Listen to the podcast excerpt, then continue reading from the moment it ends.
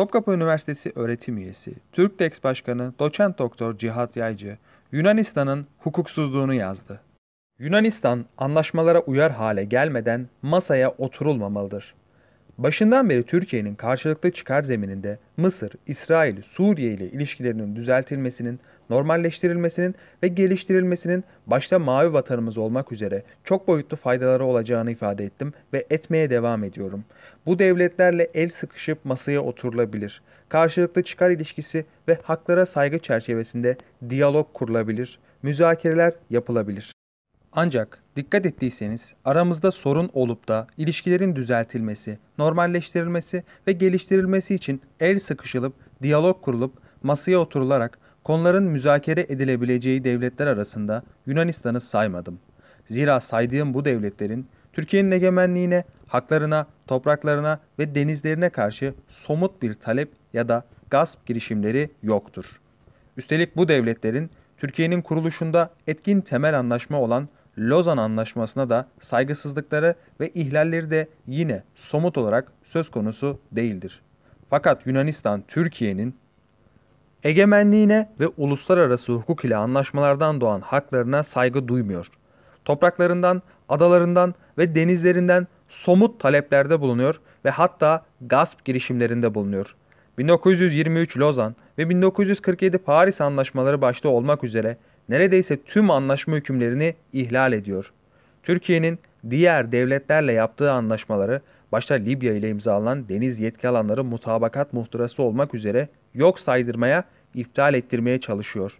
Kıbrıs Türklerini yok sayıyor. İlgili olsun ya da olmasın her yerde ve her zeminde Türkiye'yi haksızca şikayet ediyor, suçluyor. Türkiye'ye yönelik yıkıcı, bölücü her terör örgütüne başta FETÖ, PKK olmak üzere yardımdan öte yataklık yapıyor. Dolayısıyla Yunanistan Türkiye açısından Mısır, İsrail ve Suriye'den tamamen farklıdır. Ancak ne hikmetse Mısır, İsrail ve Suriye ile ilişkilerin normalleşmesi, müzakere masası kurulması gibi mevzular olunca bir takım kimseler ve çevreler tarafından Yunanistan'da oldu bittiyle laf arasında sıkıştırılıyor ve masaya oturulması önerilen bu devletler grubuna katılıyor. Yunanistan talepleri masada müzakere edilecek konulara dönüştürülmeye çalışılıyor. Böylece Yunanistan'ın talepleri de masada görüşülecek birer müzakere konusuna dönüştürülmeye çalışılıyor. Bir anlamda Yunanistan taleplerinin karşılanmasına ilişkin görüşmeler yapılması, Türkiye'nin hak ve çıkarlarını koruma ve geliştirme çerçevesinde ilerleyen diğer normalleşme ve müzakere faaliyetleriyle benzer gösterilmek isteniyor. Yunanistan ile müzakere seslendirmeleri art niyetli olarak yapmayanlar da büyük hata yapmaktadırlar. Yunanistan'ın bir sorun olarak dayattığı konuların esasında Yunanistan'ın talepleri ve anlaşma ihlalleri olduğunun farkına varmaları gerekmektedir. Yunan talep ve ihlallerini sorun olarak kabul edip Yunanistan ile masaya oturmak bu taleplerin ne kadarını karşılayacağımızı ve ihlallerin neyse ne kadarını tahammül edebileceğimizi konuşmayı kabul ettiğimiz anlamına gelir. Yunanistan'ın sorun olarak gösterdikleri aslında Yunan talep ve ihlalleridir. Yunanistan hangi taleplerinin ve ihlallerinin Türkiye tarafından kabulünü istiyor diye sorarsanız size aşağıdaki örnekleri sayabilirim.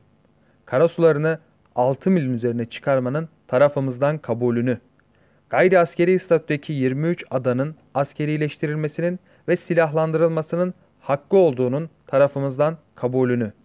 Yunanistan kendini Japonya, Filipinler, Endonezya gibi takım adı olarak kabul ettirmek istemekte.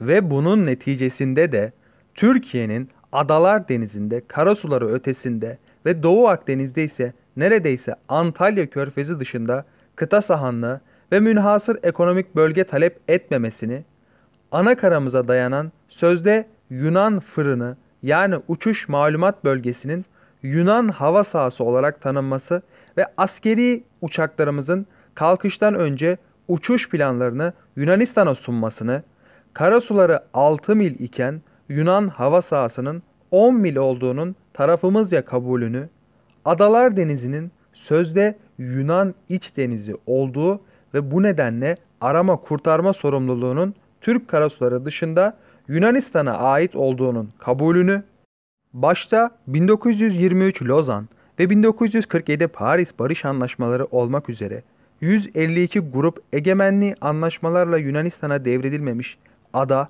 adacık ve kayalık yani Ege Aydak'ın kendisine ait olduğunu ve egemenliklerinin tartışılmamasını, Kıbrıs adasının bir Helen yani Yunan adası olduğunun kabulünü, İstanbul'un Konstantinopol hatta Yeni Roma'nın başkenti olarak adlandırılmasını, sadece Türkiye'deki Rum Ortodoks Hristiyan Türkiye Cumhuriyeti vatandaşlarının dini ihtiyaçlarına yönelik hizmet vermesi gereken Fatih Kaymakamlığına bağlı Rum Ortodoks Kilisesi'nin evrensel boyutta Lozan Anlaşması'na aykırı olarak ekümenik patrikhane olarak ifade edilmesini, hatta Vatikan gibi ekümenik patrik devleti olmasını, Batı Trakya'da Türk azınlık olmadığını, sadece Müslüman azınlık olduğunu ve hatta son zamanlarda azınlık da olmadığını, Yunan Müslümanlar olduğunun kabul edilmesini, Batı Trakya'da Türk okullarının kapatılmasını, Türklerin camilerde Yunanca ibadet etmesini, Batı Trakya'da Türk azınlık tarafından seçilmiş müftülerin görev yapmalarının suç olduğunu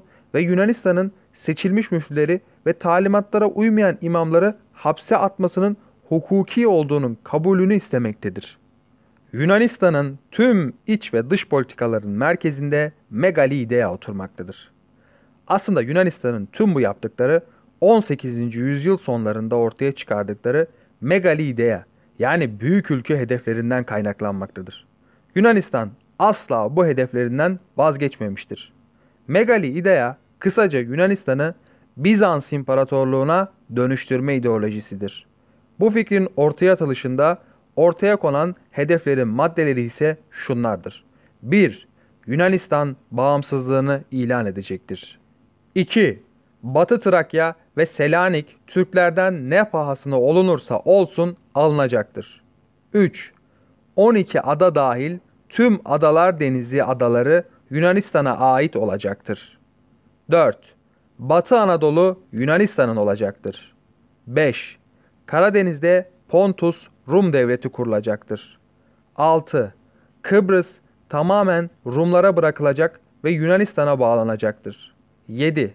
Son olarak İstanbul Türklerden alınarak Bizans İmparatorluğu yeniden kurulacak ve Megalide'ye gerçekleştirilecektir. Tarihte ve günümüzde yaşananlara baktığımızda Yunanistan'ın ve Yunan devlet yöneticilerinin bu büyük ülkeden asla vazgeçmediklerini ve tüm iç ve dış politikalarının merkezinde bu megali idean oturduğunu görmek hiç de zor değildir. Özetle Yunanistan Türkiye'den taleplerinden megali idea hedeflerinden vazgeçmeden, anlaşma hükümlerine uyar hale gelmeden, insan hakları ihlallerini sonlandırmadan, Türkiye aleyhine konuşmaktan vazgeçmeden hiçbir konunun asla müzakere edilmemesi kanaatindeyim. Bu çerçevede Dışişleri Bakanı Sayın Mevlüt Çavuşoğlu'nun Yunanistan'a yönelik ya Yunanistan geri adım atar ve anlaşmalara uyar ya da biz gereğini yaparız sözlerini tümüyle destekliyorum. Bu süreçte Türkiye Yunan taleplerini tartışmak yerine önce kendi tezlerini ortaya koymalıdır. Onlar nelerdir derseniz mesela Türkiye Adalar Denizi'nde Lozan statüsüne dönülmeli ve karasuları 3 mile indirilmeli. Açık deniz alanlarında da hiçbir sınırlandırma yapılmadan her iki devletin ortak kullanımına ve faydalanmasına açık olmalı tezini ortaya sürmelidir.